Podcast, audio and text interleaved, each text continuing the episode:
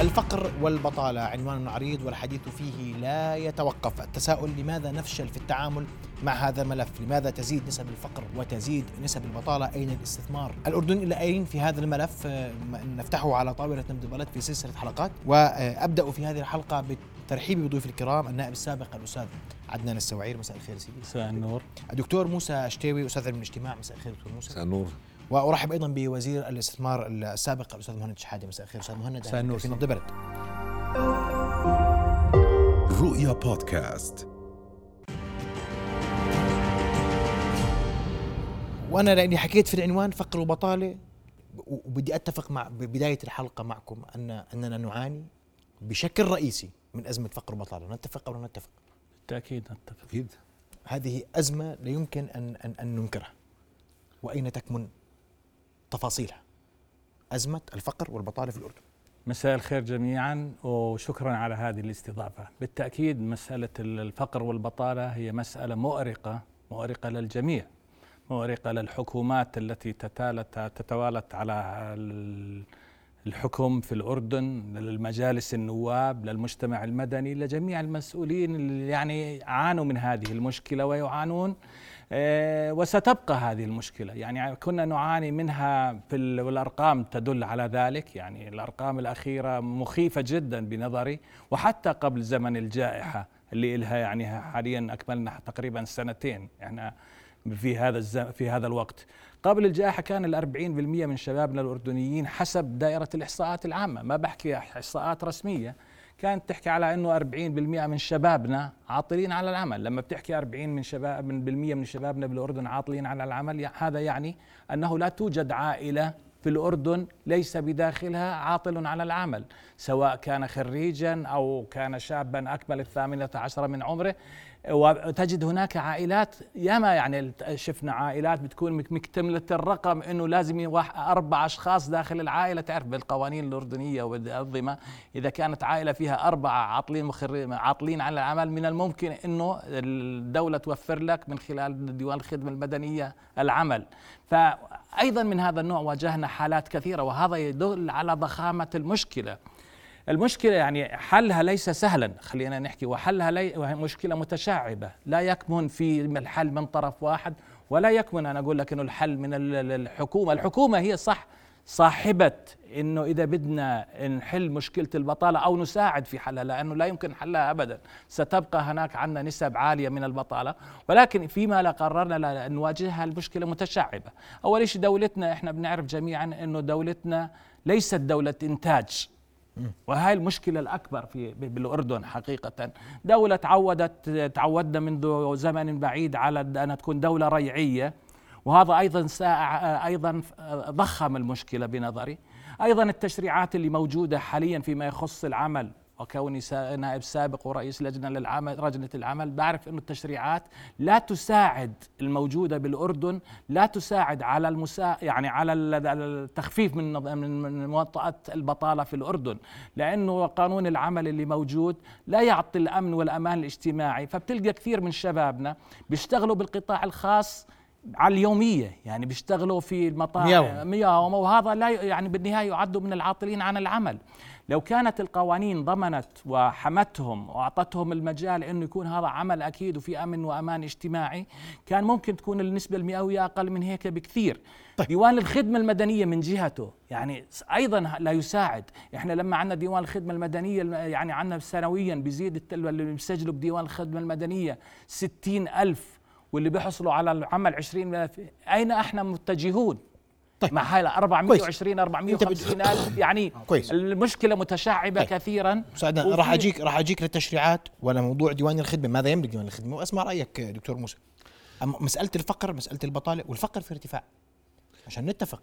خط الفقر اللي يعني أيضا خط الفقر بات مرتفعا وصار في ناس اليوم تقلق من تلاشي الطبقة الوسطى اجتماعيا حتى. مساء الخير لك وجميعا. شكرا على الاستضافة ومساء الخير لجميع المستمعين والمستمعات الكرام. يعني في الحقيقة أكيد إنه ملف البطالة والفقر مزمن في الأردن. إحنا إذا بنطلع يعني بآخر 30 سنة بدايات الأزمة كانت في أواخر الثمانينات بداية التسعينات. ثم بعد ذلك ذهبنا إلى برامج التصحيح الاقتصادي وكل هذه المسائل وبقي الفقر والبطالة مرتفعا. أحرزنا تقدم بسيط في نهاية التسعينات بداية ال 2000 يعني 2003 4 و5 ولكن عادت الأمور يعني تفاقمت مرة ثانية بعد أزمة 2008 ثم بعدين الربيع العربي وإلى آخره وكل هذه المسائل.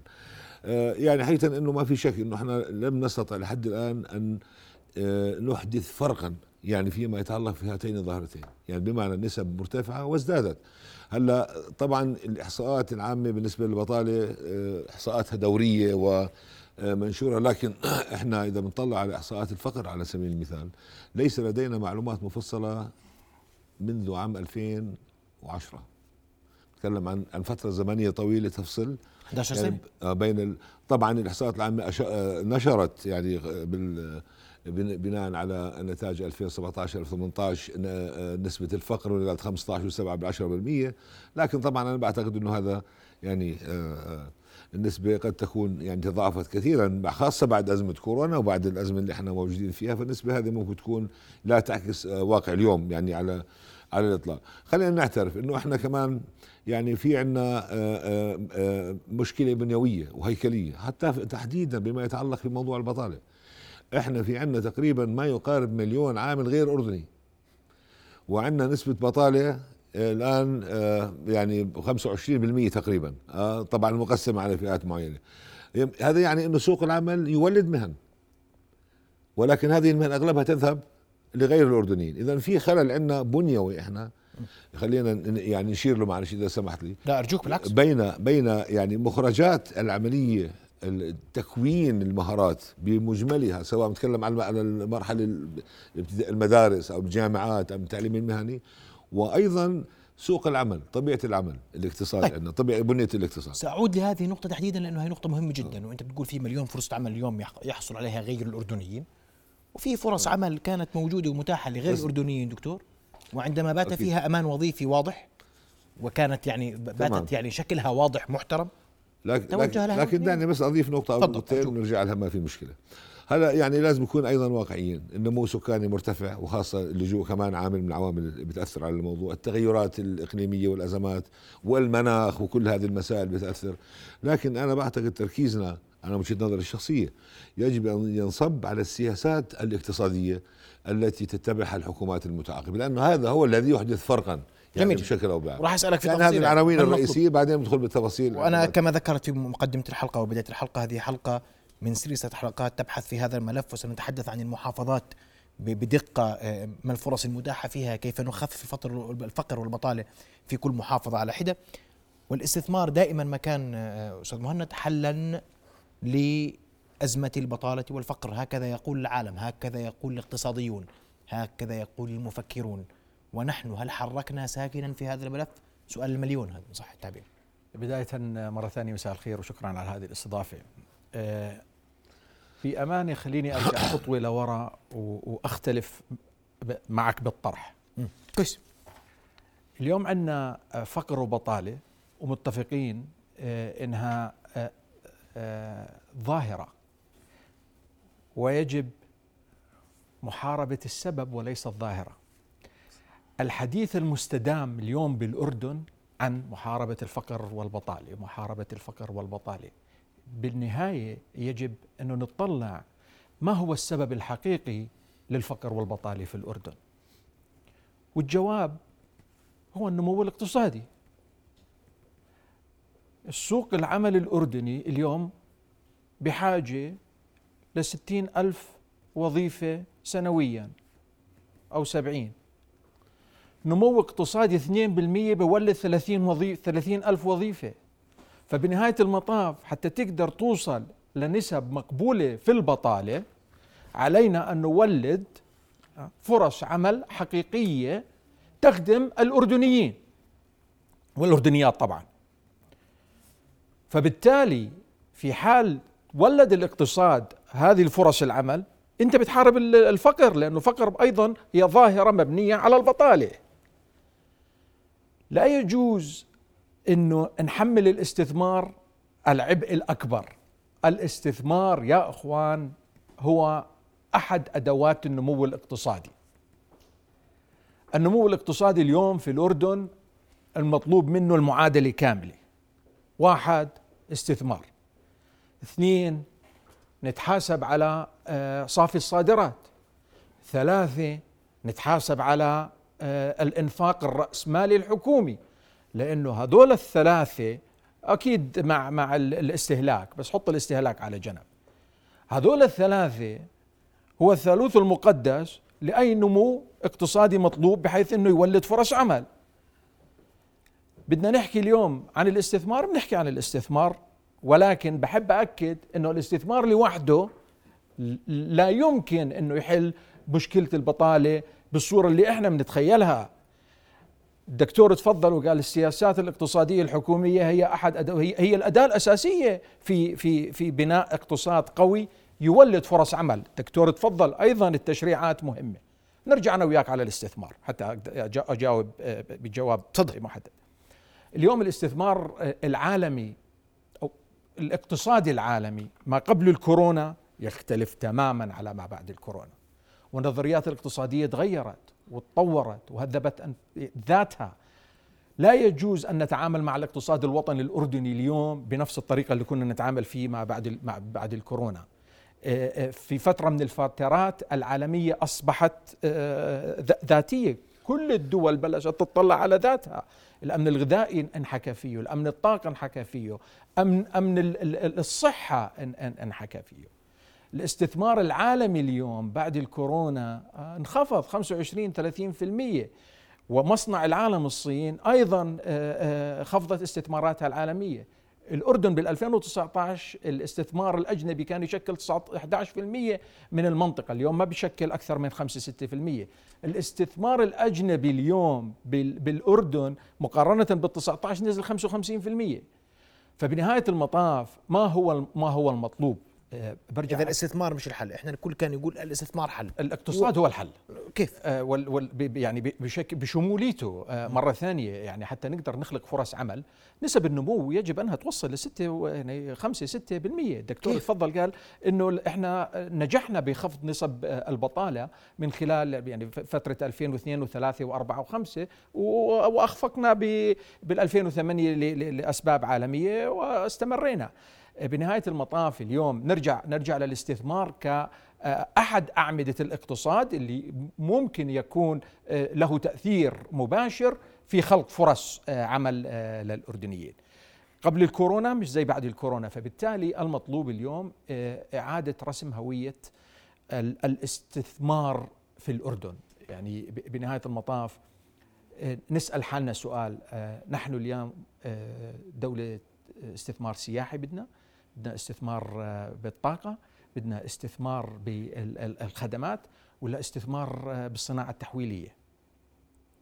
حتى نقدر ننجح علينا أن نخلق هذه الهوية ونوظف التشريعات لخدمة هذه الهوية من خلال أيضا خلق سردية واضحة لكل الأردنيين حتى نعرف هويتنا الاستثمارية. على سبيل المثال إذا إحنا هويتنا الاستثمارية سياحة اليوم خلينا نتفق إنه إحنا آه، بلد سياحي. فبالتالي اليوم بدنا نطلع على التشريعات اللي بتشجع السياحة. واحد بدنا فيزا آه، لدخول الأردن تكون ملتيبل لعدة لعدة سفرات. مثال على ذلك يعني وليس حصرا. اليوم التكلفة للوصول إلى الأردن بدنا نطلع عليها وفي عندنا قصة نجاح برايان إير طيران منخفض التكاليف. طيران. رقم ثلاثة اليوم إذا السياحة هي ال ال الوجهة الاستثمارية اللي بدنا نشجعها علينا أن نخفض تكاليف نخفض تكاليف السياحة في الأردن. الأوتيلات تدفع 28 قرش بعتقد على الكيلو وات بالكهرباء. فبنهاية المطاف خليها تدفع 12 يعني بجوز بدل 28 25 فالمقصود اليوم إمكانيات الدولة محدودة ومتفقين. لذلك علينا أن نحطها في المكان الصحيح اللي ممكن يخلق لنا فرص عمل للاردن للأردنيين. فالمطلوب رسم هوية استثمارية واضحة مركزة قوانين وتشريعات تخدم هذه الهوية وسردية للجميع حتى نتفق عليها بحيث إنه نمشي قدما ب بس إحنا اليوم مش عارفين وين رايحين. خلينا نتفق. اليوم إحنا في شيء عارفين وين رايحين؟ معلش اسمح لي. عارفين وين رايحين؟ إحنا عندنا ملف اليوم. نعطيه أولوية لمحاربة البطالة والفقر. نحن نتحدث عن شعار على الأرض. في شيء اليوم؟ يا صديقي يعني بناء على اللي حكى له الزملاء وضيوفك الكرام يعني واللي بتفق معهم هذا يدل على إنه فعلا لما بنحكي معالي حكى عن التحفيز هو بالمجمل يعني إحنا بنحكي عن تحفيز النمو الاقتصادي، تحفيز النمو الاقتصادي مظله كبيرة يدخل تحتها يعني عوامل كثيرة ويجب أن نعمل عليها. تحفيز النمو الاقتصادي يعني إحنا لما بنحكي موضوع كلف الإنتاج كلف التمويل التشريعات نفسها اللي حكيت عنها بالبداية السياسات الاقتصادية اللي تفضل فيها الدكتور كلها تدخل تحت نفس الباب إنه علينا تحفيز النمو الاقتصادي إذا أردنا أن نجد حلولا وليس حلا لهذه المشكلة. الاستثمار اللي تفضلت آه، يعني حكيت عنه معاليك الاستثمار يشمل عدة مجالات السياحة الطاقة النقل الخدمات صحيح مية بالمية. ويأتي هذا من خلال التشريعات. لذلك أنا بالبداية حكيت عن التشريعات. أيضا التشريعات التي يجب أن يعمل عليها من خلال المتعلقه باتجاه مباشر بالبطالة لما بحكي عن قانون العمل. لأنه أبنائنا اليوم بالتأكيد لا يشعروا بالأمان من خلال الامان الوظيفي من خلال القوانين الموجودة. لكن هذا في هون شيء مهم إنه بتغير أنت التشريعات وخاصة اللي على تماس مباشر مع مع البطالة أنت يجب أن تقنع القطاع الخاص. القطاع الخاص له دور مهم جدا في هذه العملية. أنت ما بتقدر أنت أن كحكومات متعاقبة أن تنظر إلى القطاع الخاص كالدجاجة الدجاجة التي تبيض ذهبا. لازم أنك أنت توفر لها كل الإمكانيات من سواء من خلال تقليل الكلف. إذا بدها تغير بالتشريعات لازم إنك تشعرها بالأمان وتحفزها من خلال عن قانون الشراكة وعملنا قصة الشراكة بين القطاع الخاص والقطاع الحكومي. يعني ممكن ما في دولة في العالم عملت قصتنا في قصة الشراكة التي لم تنجح حتى اللحظة أن تؤتي كلها الحقيقية. يعني كلها كلام عن ورق هاي مشكلة حقيقية عندنا أستاذ محمد. لأنك أنت بتعرف أنه للأسف إحنا بنحط مرات كثير من الأحيان التشريعات ولكن بطريقة أو باخرى نلقى لنا دايم مهرب. أنا ما بعرف منين بنلاقي هاي المهارب يعني أحكيها بصراحة. أنت بتعرف إنه إحنا بنكتب وبنساوي فيش حدا ناس زينا بيكتب تشريعات وقوانين وده. لكن للأسف إحنا بنلقى دائما شيء يعني خلينا نأخذ قصة مثلا لما بحكي عن تشريعات اليوم الكلفة اللي موجودة على المؤسسات القطاع الخاص من حيث الضمان الاجتماعي. أنا كنت في المجلس اللي رفعنا الاشتراكات على القطاع الخاص في الضمان الاجتماعي. ولكن في حينه لما رفعنا رفعناه من أجل توفير التأمين الصحي لجميع العاملين. وهذا بيقلل يعني العامل نفسه بيشعر بالسرور. إذا إنه أنا إذا بدفع 2% زيادة عشان أنا آخذ التأمين الصحي بكتشف إني أنا بعدين زدت التأمين الصحي تأمين اشتراكات الضمان ثلاث نقاط بالمئة وما عنديش تأمين صحي. بدهم يرفعوها 4% هلا. كيف صارت هاي؟ يعني أنا سؤال يعني فهمت علي؟ فبقول لك إنه توضع التشريعات ويتم الاتفاق على رفع الاشتراكات وتغيير التشريعات باتجاه إنه تشعر تعطي المواطنين وتعطي العاملين نوعا من الطمأنينة بالعمل. لكن للأسف تجي بصير بالالتفاف عليها. نفس الشيء بالنسبة أيضا ل... ل... ل... ل... ليش اليوم إحنا يعني من خلال التشريعات نجد عنا إنه أكثر مستثمرين الأردنيين. إحنا عمالنا بنحكي عن استثمار وبنجيب استثمار لكن بنفس الوقت خلينا نواجه نكون واقعيين. المستثمرين الأردنيين اليوم في تركيا في مصر في العراق في شمال العراق حاليا في السودان ما في يعني دول عم يلجأ لها المستثمرين الأردنيين وضاقت بهم. هالأيام إحنا بنتابع قصة بلديات اللي في جورجيا. طيب هذا بالنهاية ليش راح على جورجيا وعمل المزرعة هناك وهذا؟ يعني ليش ليش ما عملها هون؟ العالم مفتوح اليوم الكل العالم مفتوح. يا أخي أوكي العالم مفتوح بس لازم أنا أكون حريص إذا بدي أحل مشكلة البطالة إني أحط التشريعات المضبوطة والصحيحة حتى إنه أنا إنه تكون في عندنا نخفف من مشكله البطالة مشكلة البطالة على أبنائنا. وهذا هدف. وهذا بالدستور يعني موجود إذا انت تعرف يعني, يعني تفضل دكتور. طيب أسمع طبعا يعني كل المسائل ذكرتها مهمة والأستاذ مهند ما في شك. بس التشريع لن يحل مشكلة البطاله أنا جزء والاستثمار أنا بتفق مع الأستاذ مهند لن يحل مشكلة البطاله ونحن لسنا بحاجة لهوي لتحديد هوية الاستثمار بحاجة لتحديد هوية الاقتصاد قبل أن أن نحدد. كله. آه، طبعا 100% اليوم إحنا يعني حقيقه إذا جينا نقول ما هي الميزة التنافسية للاقتصاد الأردني؟ على سبيل المثال. عندك جواب؟ اليوم أنا أنا أنا عندي أنا ما أنا مش خبير بس أنا يعني بتابع تنمويا يعني هذا من من مجال شغلي. أنا رح نسمع جوابك هذا مهم. المحفز اليوم اردني أقول أنا يعني إنه اليوم آه، المشكلة الأساسية يعني حتى الاستثمار أنا لي ملاحظات على طبيعة الاستثمار اللي اللي موجود عندنا لأنه مش بالضرورة أنت لا تستطيع أن تركن. إنه أغلب استثمارنا إما بال يعني السياحة في الريل إستيت في الصناعات المناطق المؤهلة إلى آخره. إحنا اليوم بحاجة إلى أن يكون هناك رؤية للدولة للاقتصاد الأردني. إحنا أنا بدي أتفق مع أتفق وأختلف مع الأستاذ مهند. صح الدولة كدولة امكانياتها المالية يعني ضعيفة لكن أين إمكانيات المجتمع؟ الدولة لا يقتصر دورها على فقط إنفاق أموالها وإنما توجيه المجتمع. إن عندنا أكثر من 40 مليار في البنوك الأردنية اليوم. هذول يعني أسد هذا ثروة في لأي مجتمع من المجتمعات. أنا اللي بدي أقول إنه هي أموال الناس. لا أكيد. لا مش بدك تأخذها أنت. لا أكيد. بس أنا خليني خليني أصل للنقطة اللي بدي اصل اليوم أنت لا يوجد دولة في دول العالم الثالث استطاعت أن تحل مشاكلها الاقتصادية وتتقدم اقتصاديا دون أن يكون هناك دور توجيهي. أنا ما بدي أقول يعني للدولة. أين دور الدولة التوجيهي غير موجود. أنا من الناس اللي أدعو إلى التخطيط المرن التخطيط الاجتماعي المرن الاقتصاد الاجتماعي المرن. إحنا اليوم ما في عندنا أصلا موقف رؤية جماعية للاقتصاد وشو مشاكله وبدنا نروح. نهائيا إحنا من من أكثر من 25 سنة مشينا فقط وأنا أقول ذلك وأنا يعني بناء على دراسات إنه إحنا أغلب الحكومات يعني هي أخذت ما يتطلبه الصندوق النقد الدولي والبنك الدولي وإلى آخره من إجراءات لحل مشكلتنا الاقتصادية أزمة الديون والمالية وكل هذه الأمور واكتفينا بذلك. هذا قد يكون ضروري أنا ما بقول إنه مش ضروري لكن اكتفينا بذلك. وأنا أنا بأكد لك إنه هذا لن يحل مشكلة يعني المشكلة الاقتصاديه الا بحل المشكلة الاقتصاديه أنت يكون في عندك تنمية اقتصادية في عندك توجيه للاقتصاد. اليوم عندنا إحنا في ميزة أنا بقول لك في عندنا ميزة تنافسية بالصناعات. آه، التحويلية الصناعات الاستخراجية على سبيل المثال. في عندك ميزة في ال IT عندك ميزة في في الدواء عندك ميزة في الطب إلى آخره. لكن بغياب إطار الذي الذي يوظف كل هذا كل كل هذه المجالات ويضعها في سياق وطني متكامل زي ما تفضل الأخوان بالتشريعات وكل هذه المسائل. وغياب ربط الاقتصاد الأردني بمخرجات التعليم عندنا مشكلة أساسية. فأنا بدي أقول اليوم إنه إحنا يعني زاد الاستثمار نقص الاستثمار okay هذا مهم. لكن الدولة يعني تجذب الاستثمار عندما يكون لديها اقتصاد قوي وليس العكس. عندما يكون عندك أنت ميزة تنافسية لاقتصادك أنت تجذب الاستثمار.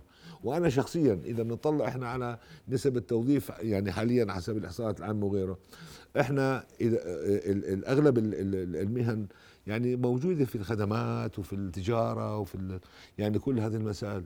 وفي ضعف عندنا في التكوين في ال في ال مع إنه الصناعة يعني لحسن الحظ عم تتحسن عندنا في الأردن لكن نسبتها يعني من الاقتصاد الكلي والعمالة لا زالت قليلة. فأنا بعتقد لا يوجد مجال عندنا بالأردن إلا أن نتوجه أيضا إلى إلى الصناعة تعزيز الصناعة ودعم الصناعة لأنه هذه هي المجال الوحيد الذي يستطيع. عندنا بنوفر لها بيئة تنافسية مع دول الجوار. وهذا راح يكون جزء من الحل لكن أنا بدي أقول إنه إذا نقدر إذا بدنا نربط البطالة بالأردن م. يعني اليوم أغلب نسبة البطالة زي ما تفضل أستاذ عدنان وزي ما الكل بيعرف نسبة البطاله مرتفعه جدا عند المتعلمين.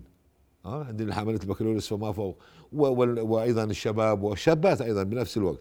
إذا أنت عم بتخرج ناس بمهارات وأنت بت يعني ما لهم ما لهم آه، يعني وظائف هؤلاء الناس. أنا بدي أقول إنه التكوين المهني التقني اليوم خاصة مع الثورة الصناعية الرابعة إذا ما كان في ربط بين الاقتصاد وبين التعليم عندنا مشكلة كبيرة. وأنا بدي أقولها بس مين بده يربط هيك؟ أنا أنا بدي أقول لك مين بده يربط. أنا يعني هون ما ما بصير تتركها أنت المسألة لوزارة التعليم العالي. ولا ما لا يجوز. اليوم بده يكون في عندك رؤية يعني متكاملة لهذا الموضوع. وأنا شخصيا من هذا المنبر أقول أن أهم استثمار ممكن أن يكون في الأردن هو الاستثمار في التعليم. يعني بغض النظر عن الاستثمار الخارجي ولا الداخلي استثمارنا الأساسي إحنا اليوم أنا يعني إذا استطعنا أن نستثمر ويجب أن نستثمر في التعليم ويعني بديش أقول نحن الثورة في التعليم لكن ابدا إذا بدون ذلك اليوم نحن مقبلين على الثورة الصناعية التقنية الرابعة. هلا في في معرض الكورونا أنا بالصدفة يعني حكيت مع بعض الناس من شركات الاتصالات والى آخره بقول اكتشفنا وكثير من المؤسسات الاقتصادية اكتشفنا إنه لأنه صار في شغل عن بعد والى آخره إنه نستطيع ندير إحنا شركاتنا ومؤسساتنا بأعداد أقل. ليش؟ لأنه لل- للأونلاين والى آخره. فأنت كمان بالمستقبل إنه يعني أغلب هذه ال- ال- ال- المهن الناتجه ال robotics وكل هذا والأونلاين يعني بشغل ناس أقل. رح يكون في بطاله أكثر فإحنا إذا ما كان عندنا رؤية ل- نحط كل هذه المسائل بعين الاعتبار ما بدنا نحط إحنا رؤية جميل. ل 100 سنة 20 سنة ونشتغل كلنا قطاع خاص مع حكومة مع تعليم مع طيب. بشر جميل. هذا الموضوع أستاذ مهند ما المحفز اليوم في الاقتصاد الأردني جانبا للاستثمار؟ ما المحفز اليوم لأي استثمار يجي عندنا؟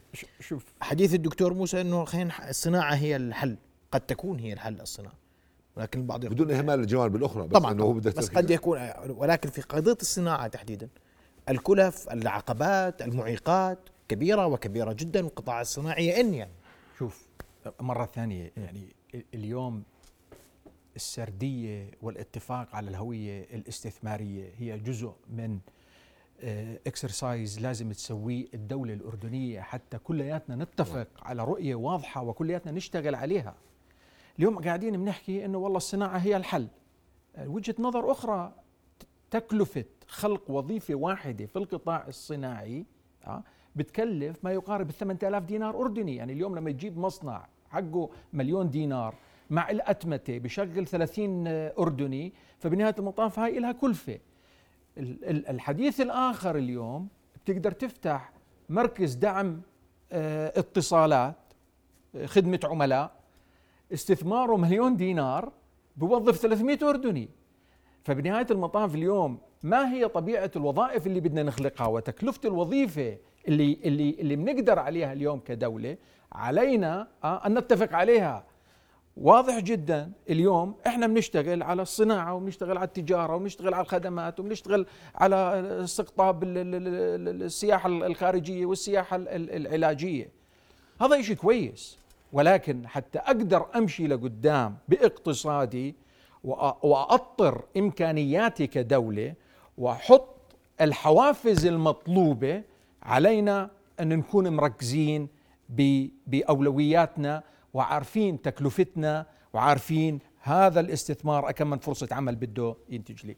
مثال اليوم في حديث كبير على إنه والله الإعفاءات اللي بتقدمها هيئة الاستثمار أو مجلس الوزراء ومعظم الإعفاءات بالمناسبة بتكون من مجلس الوزراء لأنه القانون بيحددك آه، بالإعفاءات. علينا إن نرجع آه، نعيد النظر فيها. وفي ناس بيحكي والله لازم نلغيها. أنا من الناس اللي بقول لك اليوم علينا أن نتمسك بالإعفاءات. ولكن الإعفاءات يجب أن توضع آه، في المكان السليم. كيف بدي احطها بالمكان السليم؟ بدي أجي أقول والله أنا بدي أعطي الصناعة إعفاءات على آه، الصادرات. ليش؟ لأنه بنهاية المطاف معادلة الدخل القومي هي عبارة عن جزء منها ال- ال- ال- ال- النت إكسبورت قديش آه، صافي الصادرات تبعتي. الصادرات بتدخل لي عملة أجنبية، الص- الصادرات الص- الصادرات بتحفز مصانعي بدها بدها عمالة آه، أكثر. أكثر بنوعية أفضل. آه، لأنه كمان بنهاية المطاف أنا ما بدي أخلق فرص عمل ب 250 دينار أردني. آه، فلذلك برضو ال ال ال ال آه، يعني الحوار على الطرف الثاني بيقول لك الخدمات هي الحل. لأنه لما أحكي تصدير مش بالضرورة سلع خليني أصدر خدمات. اليوم الأردن قادر إنه يصدر خدمات بتكلفة أقل وبأسعار مرتفعة. مثال على ذلك اليوم في أردنيين كثيرين بيشتغلوا آه، مبرمجين لشركات عالمية من الأردن آه، بدخول آه، بتتعدى 700 و800 دينار آه، أردني لأنه الأردني مرة ثانية عنده المقدرة والمعرفة بقطاع ال IT لليوم أفضل من دول أخرى بالمنطقة. فبالتالي ال- ال- ال- الحديث والسردية تتمحور حول ال- الفقر والبطالة. وأنا سعيد جدا إنه يعني حولنا الحديث من من آه، فقر وبطالة إلى نمو اقتصادي. وهذا هو المطلوب يا أخوان. لا ي- يعني لا يجوز إنه نقول والله إحنا بدنا نخفض نسب ال- الفقر ونسب البطالة ونقدم آه، يعني تصور بموازنة ب 2.5% يعني يعني آه، كيف؟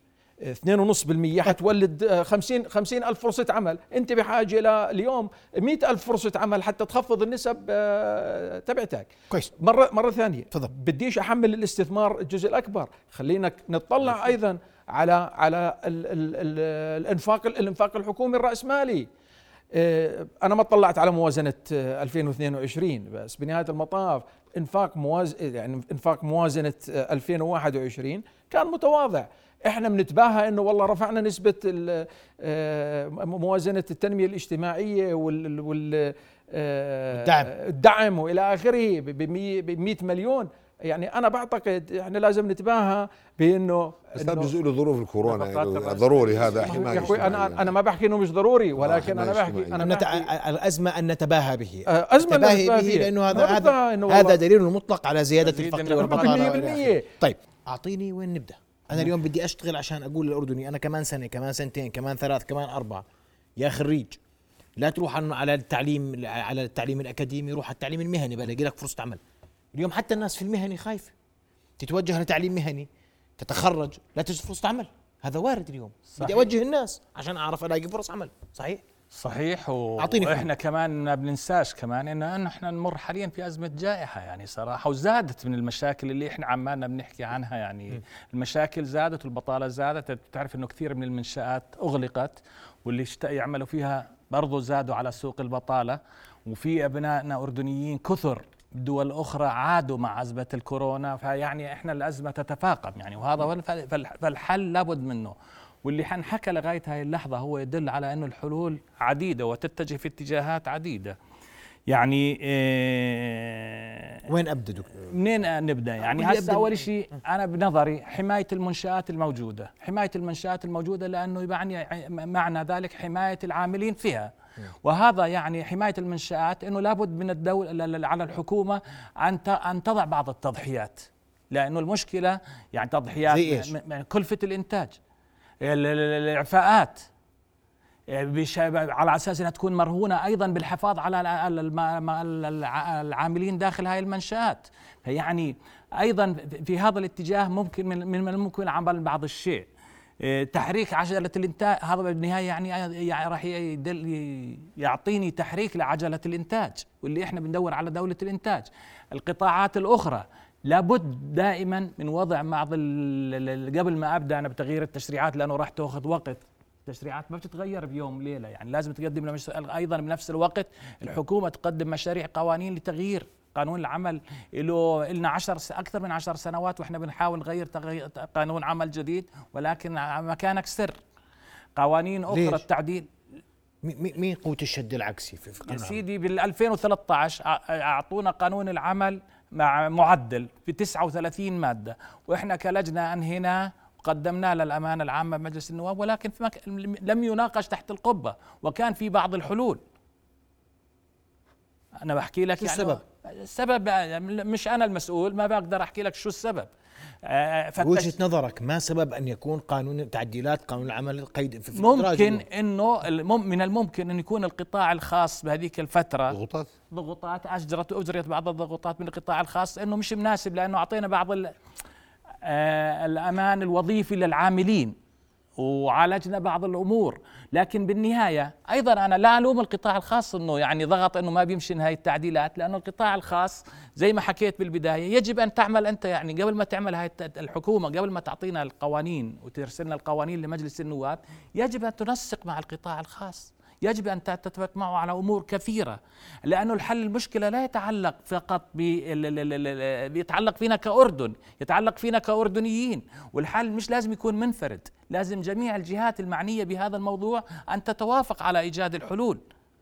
يعني أنا ما بدي أحكي أرقام من البنك الدولي إحنا لما بنحكي عن وضع البطالة بالأردن بيقول لك الآن حاليا ثلث سكان الأردن تحت خط الفقر.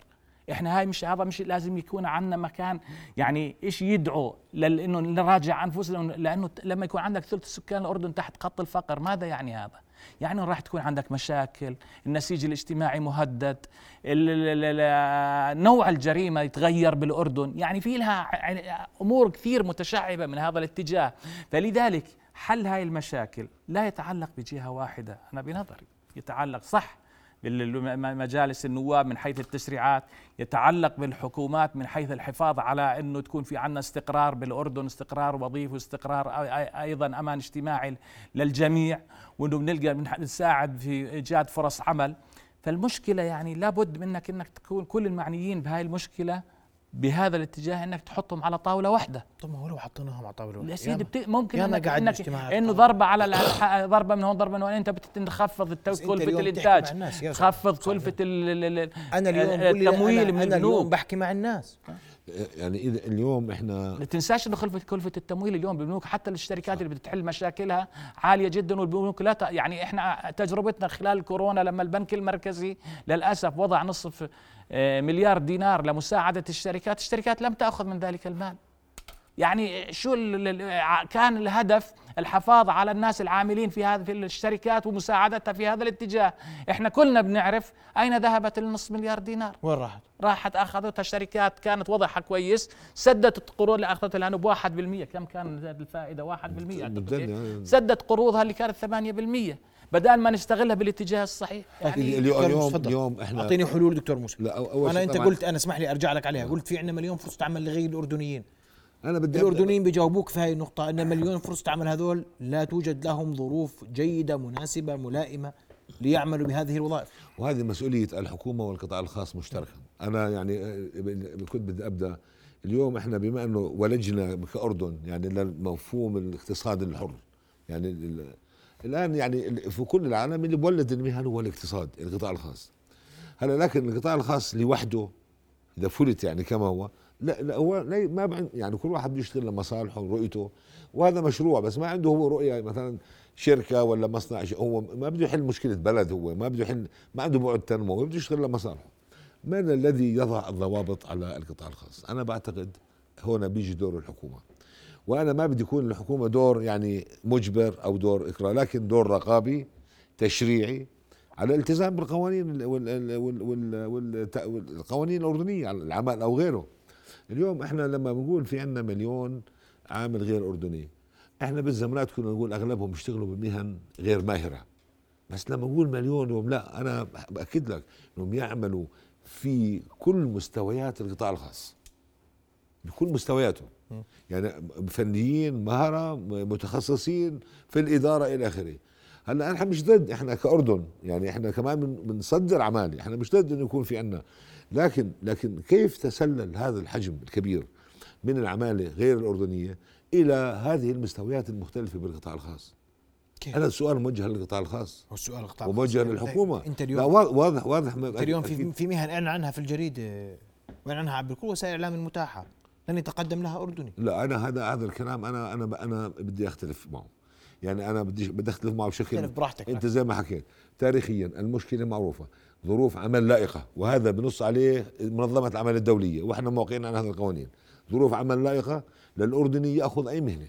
أنا بتحدى طبعا لما تقول ظروف عمل لائقة يتكلم عن راتب جيد شروط عمل جيدة ضمان إلى اخره كل هذه المسائل. اللي هو الأمن والأمان. والأمن والأمان. هلا هلا كثير يعني القطاع القطاع الخاص اليوم انت يعني أنا ما بدي أوجه يعني اتهام للقطاع الخاص بدي أنا بدي أقول إنه كمان عليه مسؤولية اجتماعية يتحمل مسؤولية يعني وطنية. أنا أغلب إحنا بنعرف أقول لك في في شركات كبيرة أنا ما بقدر أسمي شركات اللي هي في ناس فنيين كانوا يشتغلوا عندها من الاردنيين بدأت تتعاقد مع فنيين من خارج الأردن. هلا ممكن اجور أقل ممكن بكل يعني في في واضح انه في قصة. ممكن اشتغل من الاردنيين خلينا أقول يعني نفترض إنه هذا. لكن وين دور التدريب ورفع الكفاءة والمهارة دكتور ليست الأردنية؟ معاناة للقطاع الخاص أنه يدرب ويعلم و و و وآخر ما آخر بسحب حاله بيروح؟ ببطل آه، مش بالضرورة يكون القطاع الخاص اللي اللي يدرب. أنا بقول مش يفترض بالضرورة. القطاع الخاص اليوم أنا بقول لك أنا افترض القطاع الخاص اليوم قرر أن يستثمر في مهن محدده واستثمر في الأردنيين في مهن محددة تضمن إنه هذا اللي استثمر فيه اليوم يلتزم في عمله ويلتزم أمام يا منشاه سيدي هلا إحنا من الجامعة من الجامعة بتبعث أساتذة تصرف عليهم ربع مليون 300 ألف دينار ممكن يقرر إنه ما يرجع. يعني في يعني المخاطرة موجودة. بس أنا بعتقد إنه بال- بالأساس ال- ال- ال- ال- ال- التوجه التكوين التقني والمهني أنا بعتقد لازم يكون داخل المجتمع لأنه هذا عندنا مشكلة كبيرة. صح بجوز إنه الشركة أو القطاع الخاص بيرتاح أكثر مع عمال غير أردنيين ممكن أجور أقل ممكن لا ممكن في طاعة أكثر إلى آخره. واضح إنه في امتيازات يعني معينة بيحصلوا عليها من من غير الأردنيين. بس أنا بعتقد إذا ما لم نحل أحجية ومعضلة سوق العمل الأردني بهذه المعادلة إنه إحنا بن بن بنولد فرص عمل تذهب لغير الأردنيين إنه إحنا سوق العمل عندنا بتقول لما عندي مليون أجنبي أو غير أردني كل حجم العماله بالأردن فوق مليونين وشوي. بتكلم عنه 50% من اللي بيعملوا بالأردن هم غير أردنيين. يعني هذا يعني رقم مخيف. رقم ضخم. رقم مخيف. هذا بده تحليل. أن نبدأ بسوق العمل. أنا بعتقد إنه بدك تفكفك هذه الأحجية. وأكيد هذا جانب، الجانب الثاني أنا لازلت مصر عند رأيي إنه إحنا بحاجة الآن الدولة أن تقود عملية التنمية الاقتصادية والنمو الاقتصادي واضحة معك. باستراتيجية واضحة طيب. وأن تعطي حوافز للقطاع الخاص والبنوك والمواطنين كيف؟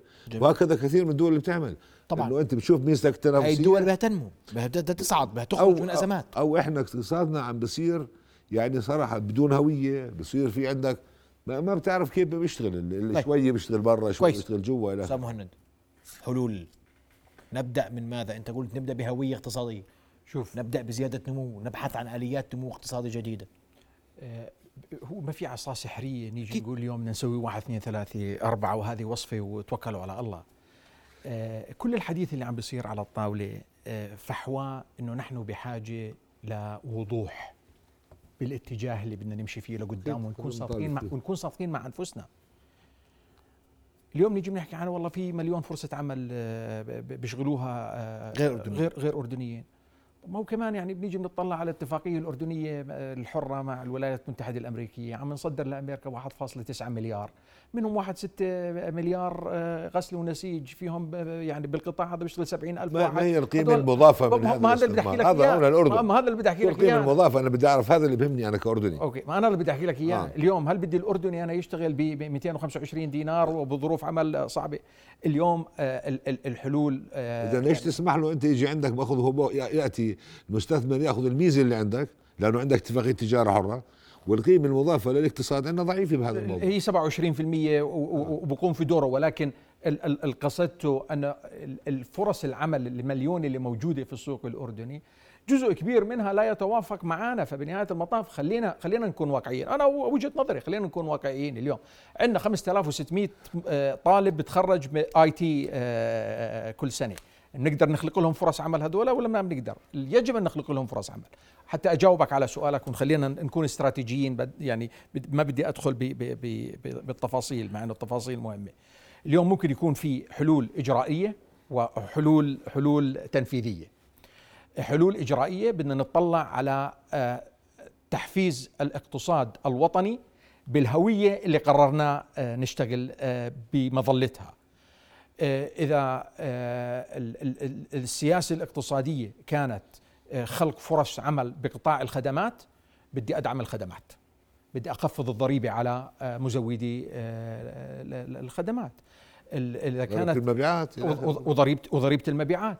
وأنفذ وأنفذ نظام آه، الحوسبة في تحصيل ضريبة المبيعات. يا أخوان ضريبة المبيعات بتشكل 70% من من التحصيل الضريبي ال- ال- ال- ال- اليوم. وإحنا كلنا بنعرف إنه هذا الرقم آه، بالمناسبة آه، ضعيف وضعيف آه، جدا. ليش صلنا سنتين بنستنى بأتمة ضريبة المبيعات؟ من لما غيرنا قانون الضريبة قلنا بدنا نأتمت التحصيل الضريبي بضريبة المبيعات. فهذه قضايا إجرائية. في نظرية بتحكي وحد الجمارك. على على السلع بنسبة معينة 5 10 15 اللي هي بعد الدراسة اللي بدك تسويها.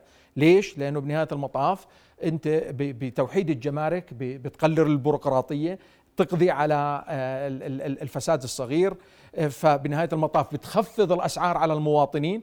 آه، برجع واحد يقول لك لا والله تخفيض الجمارك بيحميش الصناعة الصناعة المحلية. فلذلك مرة ثانية يعني في إجراءات علينا أن, نقوم فيها آه، إحنا في الأردن كحكومة وكدولة الحل الثاني التنفيذي يجب علينا أن نبتدي بمشاريع آه، بالمناسبة المشاريع الكبرى. آه، يعني اليوم عندنا مشكلة حقيقية في الأردن إنه إذا طلعنا آخر 12 سنة ما, صار في آه، شركة مساهمة عامة في البلد يا جماعة الخير يعني في في مشكلة حقيقية أيضا في في, في التشريعات. ولكن ولكن بتصدقوا إنه آخر 12 سنة صار في ثلاث شركات listed على سوق عم سوق أمريكا المالي على الناسداك آه، شركة التامين الاي جي آي آه، الجمل آه، مش الجمل آه، شركة الغزل والنسيج. آه، آه، أيضا وارامكس يعني ف- فبنهايه المطاف بنروح بنعمل listing على New York Stock Exchange والسوق المالي الأردني آخر 12 سنة ما صار فيه آه، ولا ولا واضح. آه، يعني. بدنا نظرة شموليه بعد بعد إذنك آه، المشاريع الكبرى أنا مع إنه اليوم آه، نطلع على التجربة المصرية آه، حفروا س- قناة سويس ثانية بسندات آه، بسندات آه، من الشعب من الشعب المصري. اليوم أنا خليني أصدر سندات اسمها سندات الناقل الوطني وتدفع 6% وخليني أمشي مشروع الناقل الوطني بدل ما أنا قاعد بلف على تمويل من هون وهون وهناك. اليوم عندك 10 مليارات بصندوق الضمان الاجتماعي يا أخوان. العشر مليارات آه، يعني هذولا ما عماني بحكي أنا خلينا نستثمرهم كلهم. ولكن الصندوق الضمان يجب أن يكون رافعة من روافع الاستثمار حتى يخلق جذب للاستثمار يعني سأتوقف. عند هذه النقطة بس أذكرك أنه قديش الق- النقدي الموجود في صندوق الاستثمار هذا سؤال مليون. لأنه الحديث أنه ما عندناش مليار نقدا. الباقي استثمارات للصندوق وأراضي و و وإلى آخره. أشكركم كل الشكر. هذه حلقة تفتح مجالا لحوار أطول وهنا بنحكي أين نوجه استثمارنا. أستاذ مهند حتى أموال صندوق الضمان صحيح. أين نوجهها؟ استثمارات كبرى هي رافعة وطنية الاقتصاد الوطني هو الرافع. نحتاج إلى عمل جاد حقيقي لوقف الفقر والبطالة. أكرر مرة أخرى في نهاية هذه الحلقة أننا سنفتح هذا الملف في دور عديد الدولة. الحلقات. عفوا تفضل. الدور الاقتصادي للدولة. يجب أكيد. أن أكيد. هذا هو دور- أساسي. نأمل أن يستمع الجميع لما نقول اليوم حتى نحل مشاكل الب- البطالة والفقر بجدية رؤيا بودكاست.